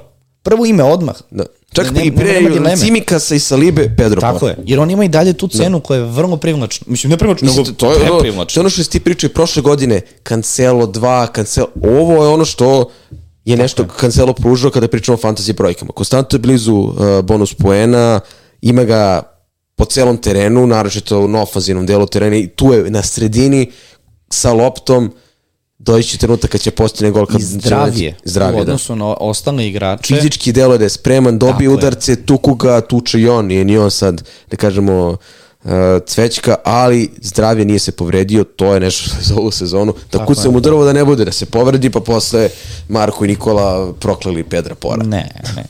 Ali Tottenham sad ponovo ima aktivne diferencijale. Johnson je doživio nezgodnu povredu glave, ali bi trebalo da je okej. Odlazak Sona možda može da otvori priliku nekom Richarlisonu ili Kuluševskom da nađu svoje mesto na sredini terena sa tim što ne znamo kako će izgledati Tottenham i bez Sona, jer ne znamo kada će se vratiti Madison. Ne mogu baš da tvrdim da će Tottenham i bez Sona i bez Madisona, ako bude takvih utakmica, da bude dovoljno kvalitetan, ali To će biti ozbiljna prilika. ali ispratiti sada partije, može neko i da proba, ako već hoće da se Taras i Salah i nekih drugih skupljih igrača, da ima Richarlisona ili Kuluševskog u sebe. Međutim, sad ide ono, ali, dolazi im Everton sa četiri sheeta u nizu i to je jedan sheet je bio protiv Newcastle. Dakle, ekipa koja je na početku rad, na- radi ono što se očekivalo od nje na početku. Mnogi su imali Pickforda ili nekog iz odbrane, čak su i bez Mikolenka na prošloj utakmici doneli poene. Dukure igra formi života. Dakle, mnogo mi je drago za Kao neki sekundarni napadač, dakle, on Ne, je... stvarno, da. stvarno mi je mnogo drago za njega. On je jako dobar Meni je igrač. drago zbog celog Evertona. Meni je prosto ta ekipa uvijek bila simpatična, kao neko ko je tu starosedelac, ovo što igraju u ove sezone zaista onaj pravi Dajšov potpis, Dajčov potpis. Dakle, imaju McNeila koji je već njegov poznati uh, futbaler iz Barley, imaju Tarkovskog kao nekog komandanta iz odbrane, Pickford koji zaista i brani dobro u posljednje vreme, nije ni on nikad Pa bio loš golman, ali je bio prosto u Evertonu koji je Pa On je uvijek bio dobar golman, ako mene pitaš. vrlo, vrlo, vrlo kompaktna ekipa, ne preterano, da kažemo, atraktivno da očekujemo od njih neke leprčave potete, niti su to futbaleri koji, od kojih očekujemo sada da a, prosto utiču na malu decu da zavole futbal ili da budu mađioničari sa loptom, ali donose rezultat, stisli su se, to jest zategli su linije, ne možemo da kažemo sad, ne možemo da njih prođemo da ne pričamo o nekoj defanzivnoj opciji. Ja bih odmah preporučio Mikolenka, ali nije odigrao prošli meč, trebalo bi da je okej. Neka sigurnija varijanta Tarkovski kao štoper. Pazi, Ashley Young igra kao preporođen čovjek. Bliže, bili sa- četiri de, deceni, sa- četiri sa- dečeni. sa 53 godine. da. Stariji što na Dajča. A to, to, je ono kao... Um, Mali Garner. jedan, Njega jedan, jedan od najstarijih igrača kao premijer lige trenutno aktivan je Ashley Young. Da. Jedan od najbržih igrača premijer lige Kyle Walker. Da, to su da. Pa, I tako ima nešto dalje, o i nauci i imenima. Šta ima nešto? O nauci i imenima. O imenima. Pa da, ali... Dobro, to je sad ajde. Da, da, Elem, od ove utakmice ne mogu da ti kažem šta mogu da očekujem. Dakle, ako idemo po nekoj formi, ne bi me čudilo da bude malo goto, golova. Da se Tottenham, to je da se Everton fino ponovo zatvori, odbrani, da eventualno neku kontur iznenada ili da ih Tottenham u nekom kasnijem delu meča na kraju probije. M- Mislim da, da ovde Tottenhamu fali Madison za ovakvu utakmicu. Da. Everton kad se zatvori, njima je potreban Ne, igrač kao što za je ovakvu Madison. utakmice za... fale upravo igrači koji su lucidni, koji mogu jednim potezom da reše utakmicu. To može bude i Kuluševski son, ali Madison ipak tu on, Tako je. favorit. A koliko Richarlison može biti motivisan? I da li, Trebalo da li bi uopšte da treba bude. bude motivisan protiv Evertona? Nije on, mora bude, otišao... on mora bude motivisan pre svega zbog sebe, što je konačno uhvatio neki ritam dobrih partija i on sad donosi one poene od kojih su ljudi očekivali na početku sezone kada su ga Ali masovno on je birali. prošle godine imao tako momente, se sećaš? A on tokom cele svoje karijere je imao na kraju te pozitivne momente i trenutke, serije dobrih utakmica, na svetskom prvenstvu je odigrao najbolji meč protiv Srbije, ali na kraju krajeva nikad nije mogao da, nikad nije mogao da uhvati tu neku konstantu, da li zbog povrede, da li zbog toga što prosto ne može da se snađe u nekim situacijama, ali prosto... Dobro, i tu povredu koju on vuče, ta povreda, sad nisam shvatio tačno gde je, ali navodno koja je rešena, operacija, sad, ako mu je verovati, možda možemo da očekujemo njega bolji, uh, bolji učinak i veću Pa evo da minutažu. daje dva gola pre dva meča, sada je dao gol uh, Nottingham Forestu, sad radi ono što se očekuje od njega. Tako je. Ali i dalje nekako ne bih mu pružao šansu. Pazi, pre bih možda doveo, pre bih ja uzeo Kuluševskog. Da. E, Pa to- to- to- to ne pričamo. naravno. Mislim da i dalje mora da, da. pokaže ipak neke 3-4 utakmice u nizu da stvarno je tu. Ne mora uvijek da go, ali da mi vidimo da je on, da je malo falilo, da, Da, je njegov, tu, da je njegov, standardno. njegov najveća prednost iz ugla fantazije je što se vodi kao veznjak, a igra kao napadač, a golovi donosi je- više pojene. To je tako je. nešto što ne možemo da zanemarimo kada je fantazija u pitanju. Tako je. Ono što je interesantno, za ovu utakmicu nismo imali nijedno pitanje. E, naredna Toliko, utakmica... mi nahvali smo Everton, da. Pa dobro, niko ih ništa.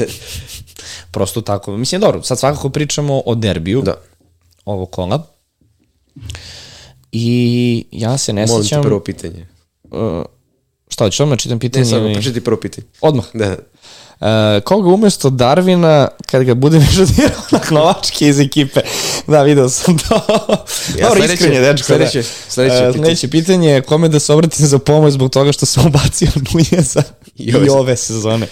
Brat moj napaćeni. Uh, znaš kako, evo, da krenemo derbi i svakako utakmica trenutno dve, apsolutno, pa dobro, ajde. Znači, mislim- sad moramo da kažemo dve od četiri najbolje ekipe. Ne možemo da kažemo dve najbolje jer Pa ne, mislim, ne bi bilo jesu- prema Aston Villa, ali... to su- pa da, e, zbog Aston Villa sam malo Da, zastavio, od stvarno, ako nećemo- žao mi je. Da, da zanemarimo Manchester City ne mogu. Stvarno neće me bije neka kletva da kažem da kao dve, tri najbolje ekipe, Da, ne, ali- ne računom City. Dobro, okej, ali ipak mislim, bodovno gledano, e, zaslužili su i Liverpool i Arsenal i Aston Villa da, da se vode kao stvarno trenutni, pa ne vam kažem favoriti, ali timovi sa najboljim učinkom i da možemo da izostavimo City. Koliko god treba biti oprezan, jer, ok, tri prethodne sezone znamo kako, šta su Da. radili. Ali trenutno, apsolutno su zaslužili da o njima pričamo, a imamo ovde direktan duel Liverpoola i, i Arsenala i vratit ću se na onu priču da je to utakmica sa Liverpoolom kod kuće, dakle Liverpool dočekuje Arsenal, taj čuveni Enfield, čuvena publika koja ne samo City-u, Unitedu, nego i Arteti je pravila od uvek ozbiljan problem. Sećaš se priče koje One sam- priče, da. Tako je, dakle, to je nešto što je njima ostalo onako urezano sigurno i moje prvo pitanje tebi pred najavu ove utakmice, kome daješ prednost? Koga vidiš da pobeđuje u utakmici ili možda smatraš da će biti nerešeno? Ne, nemoj da mi budeš nerešeno zbog Aston Villa da Ne, hoćemo ne. da vidimo kao prvu. Znači, objektivno, kako vidiš Ne situaciju? mogu, ne mogu sad da nijednoj ekipi dam neku znač, značajniju prednost. E, U Engleskoj i generalno kod timova koji imaju ozbiljan domaći teren moram da dam prednost Liverpool, ipak se igra na Anfieldu sa tim što su kiksnuli protiv Manchester Uniteda u smislu da se tu očekivala pobeda, da ne bi, ne bi smeli sebi da dozvole da i ovu utakmicu ne pobede, ali opet to je Arsenal. Arsenal je dobio 2-0 uh, Brighton, odradili su ono što se očekivalo od njih, bez nekih trzavica, bez problema sa povredama, dakle trebalo bi da kompletni uđu uh, na ovu utakmicu. Ja ovde sada ne očekujem 0-0 kao što je bilo protiv Manchester Uniteda, stvarno očekujem golove.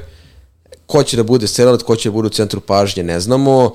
U posljednje vreme Jesus i Havertz se malo, malo pojavljaju u poenima, dakle toliko sporvani Havertz dolazi do nekih svojih, da kažemo, pozitivnih minuta. Saka, mi su ga proglasili gospodinom Konstantom, pa nije donao poene protiv Brightona, ali stalno je tu, dakle, izbog Naginje prekida... da bude konstanta, jednocifrena konstanta. Ono nekako. konstantno od 3 do 8 poena. To, To je, to je nešto što najčešće da. donosi ove sezone. Ipak, kada pogledamo Liverpool, uvek je sve upereno, sva svetla su uperena Salah, ka Salahu, Darwin kao Darwin, eto vidimo i ta pitanja. Sad, ne bi me čudilo da na ovoj utakmici postigne gol. To je, to je, to je taj Darwin, da kada krenu ljudi da dižu ruke od njega, da ga masovno prodaju, da on da jedan, dva gola, uradi ono, neki, neki neverovatan potez i onda da se ponovo vrati taj hype i onda ga nema ili pravi gluposti u narednim utakmicama. To je prosto kod Darvina neka stvar koja je prosto svakodnevnica, jer on ipak i dalje ima 12 učešća u golovima ove sezone. 5 golova i 7 asistencija. To nije malo. Nije, nije, pa dobro.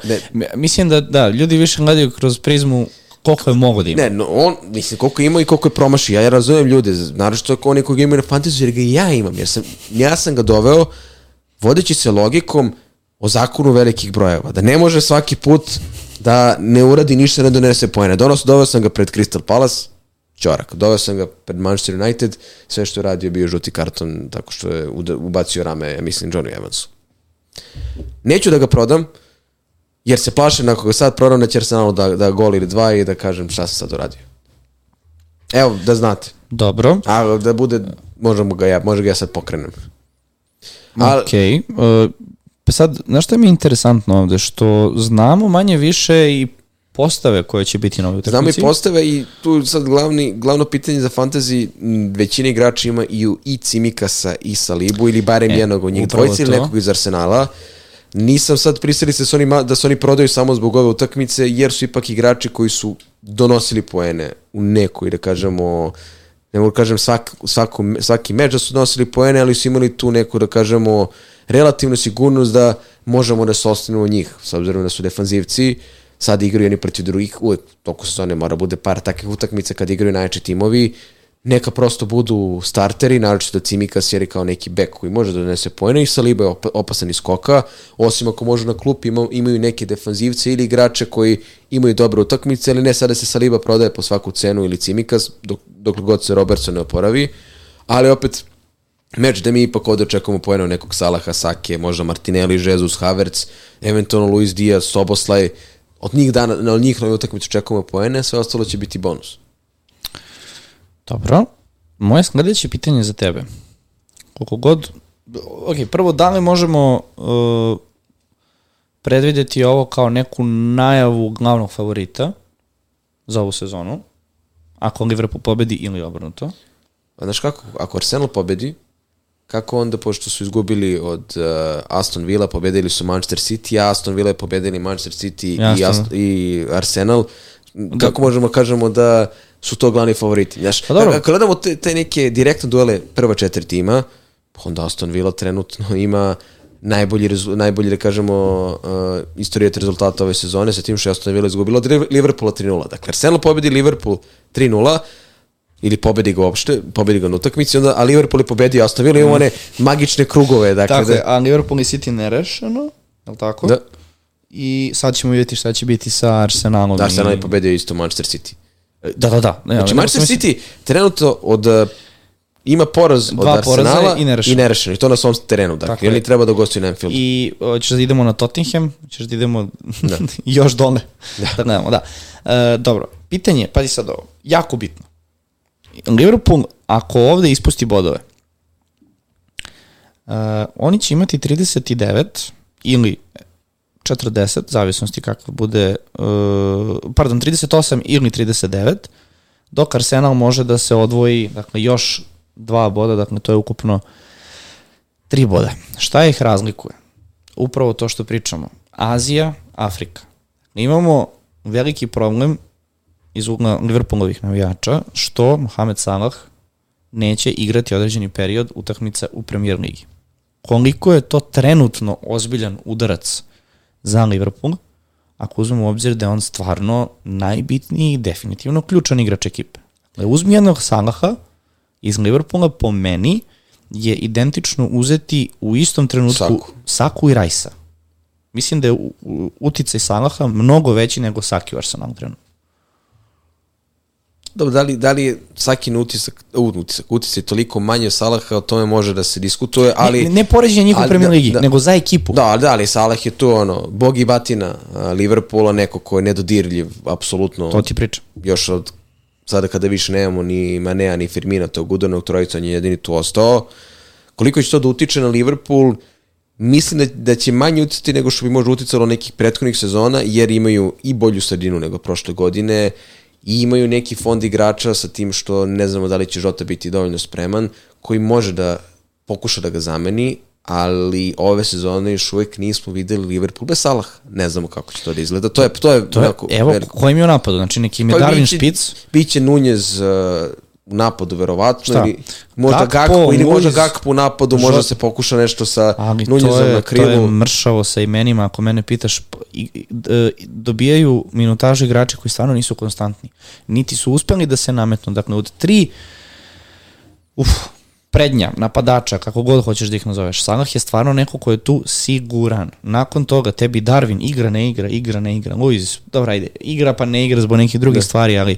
Kako isto više na klupi u Premier Ligi nego što igra. Tako je, Žota, povreda da. igra, da. povreda ne igra, povreda igra. Sve, sve se nešto vrti. Sad, ko tebi garantuje da su to igrači koji ostaju na Liverpoolu da mogu da preuzmu odgovornost i da iznesu ekipu koja potencijalno da. može biti na prvom mestu da, sa druge u periodu strane, kad hode. Sa, sa, druge strane, ako Liverpool u ta tri meča ispusti mnogo bodova i na kraju izgubi titulu zbog toga, onda ni ne zaslužuju titulu. Mislim, ako, ako, ako uspeju zbog tri utakmice ili možda više ako se oduži Salahov odsustvo ako oni osvoje sa Egiptom. Uh, Ko je to? Od 13. 21. do, do 21. do 24. kola neki optimum da nećemo vidjeti Salah. Dakle, 21. Uh, 22. 23. i verovatno 24. kola. To su ti Bormut, Bournemouth, Chelsea, Arsenal. Ponovo, da. Burnley. Dakle... Uh, Nije imalo najvan raspored, ni, gledajući ni ako Bournemouth bude igrao ovako dobro. Slažem se, pritom Chelsea uvek je Na papiru Još sad Enkuku se vraća, tu sad... Vidjet ćemo ka, o kakvom Chelsea pričamo, ali opet direktna utakmica sa Arsenalom. Dakle, ako bi birali jednu utakmicu koju bi trebalo da imaju Salaha, vjerojatno bi bio Arsenal. Kog datuma počinje to kolo? E, Pa, Kad igra? e, znači, protiv Arsenala je utakmica 3. februar. Ne znam kada se, moram pronim, kada se završava prvi e, krug Kupa Afričkog nacija, Kupa, da li Egipa tako ispadne možda, iskreno sumnjam, ali to mora da još da prostudiram, ali moj neki dojam da svi ozbiljni, ozbiljni futbaleri, to jest pre svega mislim na Sona i Salaha, neće biti tu bar do 23. 24. kola. Pa, i da, da se završi, da li će biti spremni Da, treba da se vrati, da otputuju, još ako neko ako osvoje, pa onda slavlje, dok se otrezne, tako to ide. Tako je. Znaš šta je sad interesantno, imamo vremena, baš gledam koliko traje epizoda, šta je vrlo interesantno, to sam čitao, možda nema toliko direktno veze sa, sa sportom koliko sa medicinom, ali vrlo interesantno za razmatranje u fantaziju. Šta je ozbiljna, oz, ozbiljan uticaj na povrede igrača, a to je promjena podloge. Uh, Premier liga ti je liga gde se igra na prirodnoj travi, jer Englezi trava, Wimbledon, tako, da, tako je. Novak Đoković. Da. Dakle, obrati pažnju da su svi tereni u premier ligi sa prirodnom travom. da. Šta misliš, kakvi su tereni u Španiji, Africi, Poluveštak, Kataru? veštak. Da. Da, zašto? Zato što je 77 stepeni, otprilike hoće da održava i da, da, da, da poliva tu da. travu.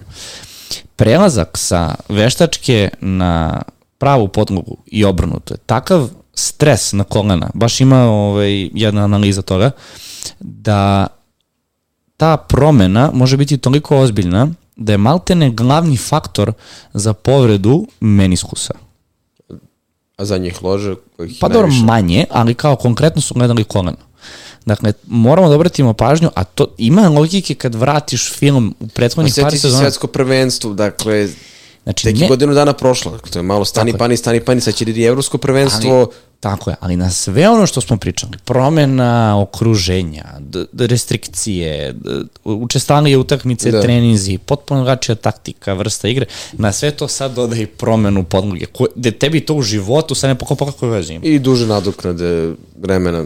Dobro, naravno, naravno, to smo već spomenuli, ali hoću da se nadovežem na to da, na primjer, Salah je u lepim godinama, nije, nije on sa 22, 3, Da. 4 godine. Dakle, pitanje je i on kada se vrati sa, sa, sa tog turnira, da li je spreman da da 100% odmah prvu utakmicu?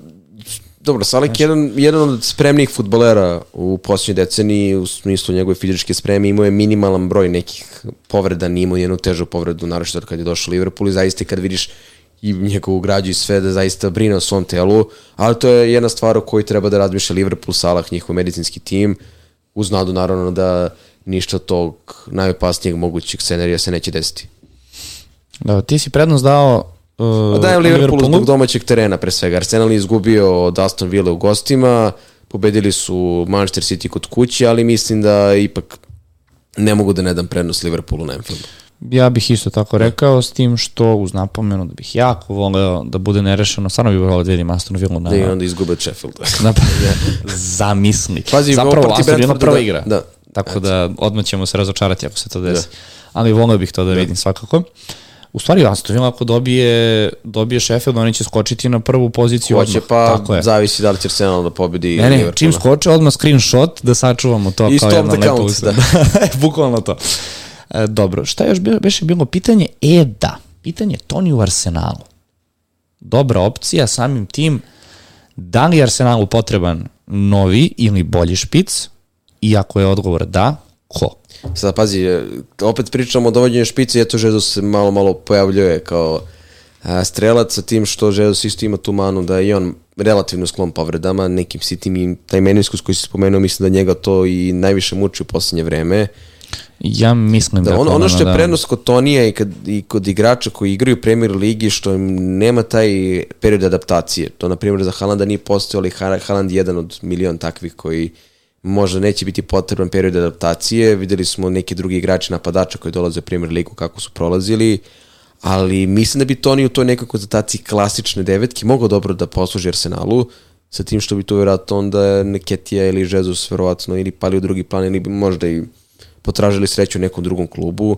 Tu smo pričali ono, pre o Vlahoviću i ne znam, nekim drugim napadačima, ali konkretno ako gledamo to engleske, Toni bi zaista mogo da bude pun pogodak za ovaj tim Arsenala. I proveren napadač. Ja, ja i dalje mislim da dovođenje Lautara Martineza u Arsenal da bi to bilo ravno dovođenje Aguera kao što, iz Atletico Madrida u City. Ja mislim da je Lautaro Martinez... A Viktor, toliko... a Viktor Osimen, njemu se isto pričalo? Da, ali mislim da on za neku drugu ekipu. Da je on više ekipa Chelsea, Uniteda, Tottenham. Tottenhema, da, nego Arsenala. Znaš, mislim da je Lautaro Martinez stvoren za Pepov, Pepov City, za Artetin Arsenal, mm, malo je takvih ekipa. Mislim, da. on bi mogao da igra da hoće, iskreno. Ali mislim da je mnogo pocenjen jer je ostao da igra u, u seriji A, a da kada bi došao u premier ligu, ja mislim da bi on žario i palio. Tako da... Moguće. Iako ne bih volio da to da. iz ugla navijača da se desi, da. mislim da je on bolje rešenje, ali sigurno i 40% skup da. od, od Tonija. Dobro, da mi završavamo polako ovu najavu sa poslednjom utakmicom. Jedna jedinu nedelju, kako a, to je, da, jedna jedinu nedelju, a to je Wolverhampton uh, dočekuje Chelsea. E sad, hoćeš ti da se nadovežeš na novog golmana Chelsea, odnosno na našeg reprezentativca? Da, je jako, je jako lepa futbolska i sportska priča. Malo posjeća kao onu kengurovu iz filma. Bukvalno, da, ali nije od Na mala vrata ono... preko Amerike, sjajnik partija do Chelsea-a, kao neko iznuđeno rešenje zbog povreda, pa se i Robert Sanchez povredio, bio je prvi golman protiv Sheffielda, sačuvao mrežu, sad u Liga kupu odbranio jedan penal, odveo Chelsea dalje, zaista kažemo, filmski trenuci našeg Đorđa Petrovića i mnogo mi je drago zbog tako tih futbolera koji su na mala vrata i otišli iz Srbije i napravili odličnu karijeru, pazi, i onda ne uradi više ništa u životu, može kaže da je bio golman nekog Chelsea-a. Nadam Ma njegove da, ambicije su da, sigurno tolike ja, da... Da ja zaista očekujem da u narednom periodu, pošto Sančeza neće biti neko vreme, zaozme to mesto prvog golmana i da iskoristi ovaj dobar period raspored koji ima Chelsea i da eventualno zaista postane permanentni broj jedan uh, u tom klubu i zaista mu želim svu sreću i zbog toga bih iskreno voleo da i Chelsea protiv Wolvesa uh, sačuva i sad to može bude zanimljivo pitanje. Imamo novog miljenika da, našeg, novog miljenika, ako nastavi ovako. Jeste da nisam ljubitelj golmanskih transfera, ali njegova cena i verovatno raspore Chelsea-a i taj neki naredni period da bi trebalo da je prvi golman mogu da budu zanimljivi za dovođenje, naročito na wild cardu Tako. i to je da kažemo što je sa naših prostora što uvek može da pojača dodate simpatije, simpatije kao što su mnogi imali Mitrovića a, tokom prethodnih sezona. Chelsea gostuje Wolvesima, ponovo dolazimo do kola Palmera, dakle imaju nešto 1.32, to sam sada gledao XG. Ajde, vadi, vadi. 1.97 XGI, dakle expected goal involvement, protiv Sheffielda nije šutno penal, dakle nije izvao penal. Gol je asistencija, udonili su pojene i Jackson i Sterling, to je nešto što smo napominjali kao tri igrača od kojih realno možemo očekivati učinak u narednom periodu uz Palmera kao osovinu jer je i jeftin i na penalima i zaista najviše donosi poena. Sačuvali su mrežu, Uh, Colville bi trebalo da je dobro za ovu utakmicu jer i on... Uh, da, delo je nekih, da, ajde kažemo 70-30 da, za sad. Ali trebalo bi da bude, da bude dobro. Ti si te nešto kažeš? Enkunku? Ili? E, hoću da se nadovežem i pre na Kunkua da. da kažem jednu jako bitnu stvar, a to je izjava trenera koji je rekao sledeće. Znači sad kad se vraća na Kunku moramo da imamo to kao prvu misao. Izjavio je da je Palmer uh, najbliži i ono kako želi da ga vidi na terenu kao pravog playmakera. Pravo desetka. Da. E. Tom izjavom i on, ako mene pitaš, potvrdio ono što smo pričali. Ubacivanjem na Kunka u startnu postavu. Palmer će biti taj koji će izgubiti desno krilo, ne Sterling levo. I Palmer će biti taj koji će ići na prednjeg veznog i biti taj playmaker a igraće vrlo verovatno sa Kunkom, Sterlingom i, i, i Jacksonom. Dakle, to ako se desi, stvarno razmišljamo o malom, ako mene iskreno pitaš, Palmer ako ovako nastavi, pričamo o jeftinom ono, be, baby Madisonu. Dakle, Palmer stvarno ima atribute i ima potencijal tako nešto da uradi, da ima takve brojke, a pokazuje da. već od starta da, da sigurno će igrati za Chelsea u narednom periodu i da će imati dobru minutažu mislim da će on direktno ispaštati po poziciji od Nakunkua, ali ne nužno i pučinku. Mislim da je to bitno da, da. napomenemo i ne treba da strepimo da ga izbacujemo da, iz to, ovde, ovde, mislim da je pitanje da li će Jacksona bude na klupi kada Nkunku bude starter. Meni isto deluje da ćemo mi gledati mnogo češće varijantu i Nkunkua i Jacksona i Sterlinga i Palmera. Tako je. U to nekoj, da kažemo, formaciji koju ste već spomenuo, sa tim što, da vidimo da je pitanje da li treba odmah da se dovede Nkunku. Slična priča kao De Bruyne, ajde da sačekamo. Ako on krene ono s dobrim partijama i krene da donosi poene, možemo pričamo kao relativno dobro ili verovatno dobri fantasy opciji, uz nadu da neće da se povredi posle dve, tri utakmice. Sada ako bude starter protiv Wolvesa, vidimo koliko će minuta da on odigra, dakle neće on odmah dobijati 90 plus minuta, može i bude neki utakmica u gustom rasporedu gde će počinjati ponovo sa klupe, ali je neko kome treba razgovarati i ispratiti njegove partije, jer Chelsea ima najbolji raspored ovih timova, Tako imaju je. zaista talentovan napad i možemo da ga tu provučemo kao nekog diferencijala trenutno. Dakle, Chelsea koliko god imao neku, kažemo, kljaka u sezonu, sad i sa Đoletom Petrovićem na golu i sa dobrim rasporedom, možemo pričati i o njemu i o Levaj Kolvilu, eventualno Tiagu Silvi, mada pre bih birao Kolvila i naravno posao Palmeru kao obaveznom e, članu fantasy timova uz Sterlinga, Jacksona, Nkunkua, neko kao diferencijala iz tog kluba. I Wolves, da se njih dotaknemo, jedna, da kažemo, mršava partija protiv West Hema, gde su mnogi polagali nade u to da West Ham prima gotovo stalno golove. Naravno, glavne uzdanice Kunja i Hvan koji zaista igraju odlično posljednje vreme. Kunja tipa bio jedini napadač ili koji vezao, koji donosio poene u posljednjih pet kola do utakmice sa West Hamom. Ne bi me čudilo da ovde ovo prvo bude utakmica jer igraju na svom terenu da ponovo se vrati među igrače koji donose poene, to jest golove na terenu, tako da ja mislim da će ovde biti golova, naročito sad ako im Kunku bude starter i ako Chelsea ponovo bude u nekom pozitivnom ofanzivnom ritmu i da će ova pobeda protiv Newcastle u Ligu kupu da ih a, dodatno, kažemo, postrekne da igraju još bolje i bez obzira što je posljednji meč ovog kola, baš ću ga ispratiti onako sa nekom većom znatiželjom. Da, ja sam samo dok si pričao Chelsea htio da se nadovežem da, da, samo kažem da su Wolverhampton, Crystal Palace, Luton i Fulham naredne utakmice Chelsea-a. Čisto da, da upravo potvrdim tvoju tvoju analizu, ali manje više rekao si sve. Tako e, da... ima, ovde, ima ovde par pitanja koje sam uh, pročitao, to možemo da uh, uvedemo kao praksu od narednog kola, to je od narednog nekog podcasta, da uh, dajemo predlog da napravimo na FPL timu nekoj aplikaciji, najbolju... idealan tim za ovo kolo, dakle ne da mi sad na našem... Može to ćemo nešto, to ćemo da dovedemo da izberemo 12, 11 najboljih igrača koji za to kolo... Pa dobro, možemo to na primjer da, ajde, završimo ovu polu sezonu, po da. znacima navoda. Od nove godine. Pa da, tamo da to implementiramo, da. zašto da ne, to nema neki, problem. I vidimo da ima neki par pitanja da li se dobija free hit ili triple captain uh, nakon nove godine, ne, to imamo jednom u sezoni, da li će ove Tako sezone biti duplih kola, hoće sigurno kao i svake, sva dupla kola, osim kada su neka neplanirana, su uglavnom uh, dupla kola koja nastaju zbog e, obaveza klubova UEFA kupu ili Liga kupu i uglavnom ona dolaze u drugom delu sezone.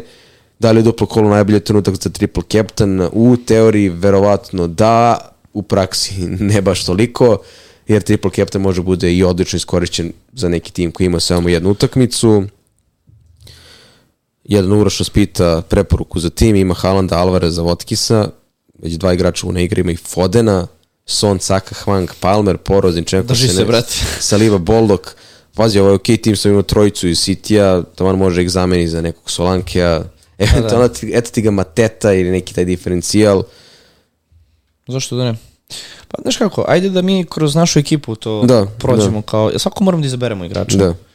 Uh, Šta radi kad igrač preskače, da li to nula poena? Da, kad igrač nema utakmicu nula poena ulazi futbaler sa klupe ako je starter. Pa da. Hoćemo da menjamo? Da. Šta ste ti relje radili u prošloj epizodi? Znaš, znaš šta sam rekao relji? Kažem, brate, ti dođeš, napraviš skandal ovde u, da. u emisiji i onda naredne tri epizode pokušamo da zakrpimo to što uradiš i onda opet dođeš i sve no. da, čistimo njegova, njegova glupost. Za malo. Kako si krenuo oko ono, da. dođi na morski. Znaš, znaš to da. pesmu? Znaš, da. Evo ovako, uh, trenutna situacija, jedan transfer, -huh u banci, pazi sad, 11,5 miliona. E, ovako. Štediše. Bukvalno. Fantasy štediše. Na golu. Leno Areola. Dobro, to ne diramo, Leno ostaje na golu. Uh, defanzivni. Keš, Colville, Cimikas, Udogi, Kabore. Dobro. Sredina. Martinelli, Salah, Palmer, Gordon, uh, Hwang. Napad, Archer, Watkins, Solanke. Pa ovde možda ne bih ništa menjao. Gle ovako, da nam ostanu starteri u odbrani Poro, Keš i... Nemamo pora. Izvini, šta si rekao? Udogi je. Udo, uh, Ali Udogi... Keš Cimikas, izvini, Keš Cimikas. Keš, Cimikas, Colville. Da, tu je mali, da kažemo, znak pitanja da li će Keš da igra.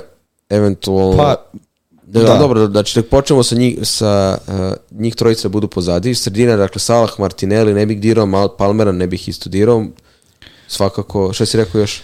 Pa imamo Hwanga, ali Pazi. imamo i s druge strane Colville koji je upitan, a opet, kažem ti, Trebalo bi da igra, Hwanga, Gordon nam je žut i u napad imamo Watkinsa i Solankija. Watkins i Solankija ne idu, mislim, to je Da. prosto sad Pa, suluto. pa da u ovoj situaciji ili Martinelli ili Gordon su kao opcije koje možda mogu da budu izvađene, da se zamene, da nekog jednog od njih dvojice izvadimo sa tim što ne bih dirao toliko Gordona zbog utakmice, pre bih možda Martinellija zamenio. Šta misliš o tome? Možemo da dovedemo koga želimo. Dakle, to je definitivno, Da. ali šta ćemo? Pazi, moramo da napravimo sada i malo mo- moramo napred da razmišljamo. Dakle, Znači, ako da- mi ispucamo sad ove pare, Možemo, možemo i da sačuvamo transfer, uh, jer idu na dva kola. ali da sačuvamo da imamo dva transfera za, za naredne Z- epizode. Znari jingle, Naredni koji će biti jingle. live. I da, i da stvarno neću da odajem ništa. ljudi. Pa gotovo je sad, Da, da, ispričat ćemo. Da I. Misliš da je to onda najbolje, a? Da i onda da nam... Dosta imamo dva transfera i da se svađamo i tučemo. Može. Uf, dobro, ovo je bilo brže nego što sam mislio. Kapitan Watkins. Uh, da, sad ćemo to da uradimo. Samo sekund.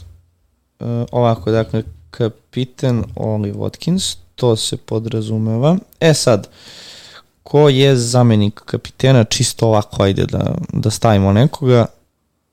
Uh, Leno protiv Barnlija. To može biti onako da Stavi se malo... Salah. Le, protiv Arsenala. Da. Ili Solanki protiv Nottingham Forest. Može i Solanke, ali pre bih Salaha stavio. Ne volim taj new manager bounce. E, klupa, dobra, Reola, e, Kabo, e, Kabore, Cash, Archer. Ćemo realno Cash, u stvari ne, izvini, izvini, izvini, mi moramo u Dogija da izbacujemo, izvini, potpuno Da. sam. Uh, ubacujemo Cash-a, jel? Bez obzira što Keš ne deluje kao neko ko ima zasigurno mesto, Pa, mo, mislim, ako Ali ne radimo ne transfer, kao- to je... bolje da igra pa da ne uđe nego da ga prodamo i odigra protiv Sheffielda donese neki Pa, poen. Da. Da, ništa, ovakva je situacija trenutno. Dakle, Leno, Cash, Colville, Cimikas, Gordon, Salah, Palmer, Martinelli, Hwang, Watkins, Solanke. I na klupi Areola, Kabore, Archer i Udogi Da. na kraju. To je to. To je to. E sad, pošto si bio nestrpljiv, da, najavit ćemo poslednju epizodu u ovoj godini, a samim tim i do pauze, da kažem reprezentativna, ali zapravo premijer ligaške. Nije neka pauza, ali kao dve nedelje. Pa, dobro, pa vidi, dve nedelje odmora, naših putovanja, da. prihvatit ću obe ručke. Ideja nam je da uh, snimimo još poslednju epizodu opet, ali ove nedelje, znači ne naredne, i probat ćemo da snimimo epizodu kao live, a ne kao, uh, kako, kako se to kaže, rekordovano, Da. kao unapred uh, snimljena epizoda, tako je. Tako da ideja nam je da prosto ta epizoda traje duže, da u komentarima čujemo vaše utiske, odgovorimo na vaša pitanja, vidjet ćemo koliko ćemo sati snimati, možda ispratimo utakmicu u nedelju, ako ne, vidjet ćemo šta Nakon ima na programu. Ima vremena, da. Pa da, vidjet ćemo šta još ima drugih liga, možemo da pustimo utakmicu u pozadini. Tako da eto malo da, da, da vas sve pozdravimo, da se ispričamo, da se družimo zajedno i prosto je to da, da ispitamo novu teritoriju kad već možemo, kako izgleda to kad snimamo live i moramo da se ponašamo pristojno, to je jako A bitno. inače se ne ponašamo kao. Pa ne, to šta ljudi ne vide A da, za to. kamere, šta se dešava, to je... Šalim se, naravno. Tako da, eto, to bi bilo to od ove epizode. E, očekujte, kao što sam već rekao, ove nedelje da snimamo opet. E, Čuka će, pretpostavljam, to sve detaljno objasniti u WhatsApp grupi i na Instagramu, najaviti epizodu, čisto da ne bude Da. puf, pojavili se live. Tako da do tada pratite... Spremi vizual, Hriki. Da. ne, i dalje snimamo. Da, i dalje znači, snima, da. Ovo u live-u ne može Da. da, da, da ti kažemo. E, Šalu na stranu, stvarno. e, Pratite fantazije, pratite naše društvene mreže. Srećno vam naredno kolo koje kreće već sutra, u četvrtak, a mi se vidimo za vikend, tako da. Ništa, ti si odradio pozdrav za mene, tako da... Pa eto, da. Vidimo se. To, Ćao, gasi svetlo. Pošli. to bi bilo to, društvo. Vidimo se. Ćao. Ćao.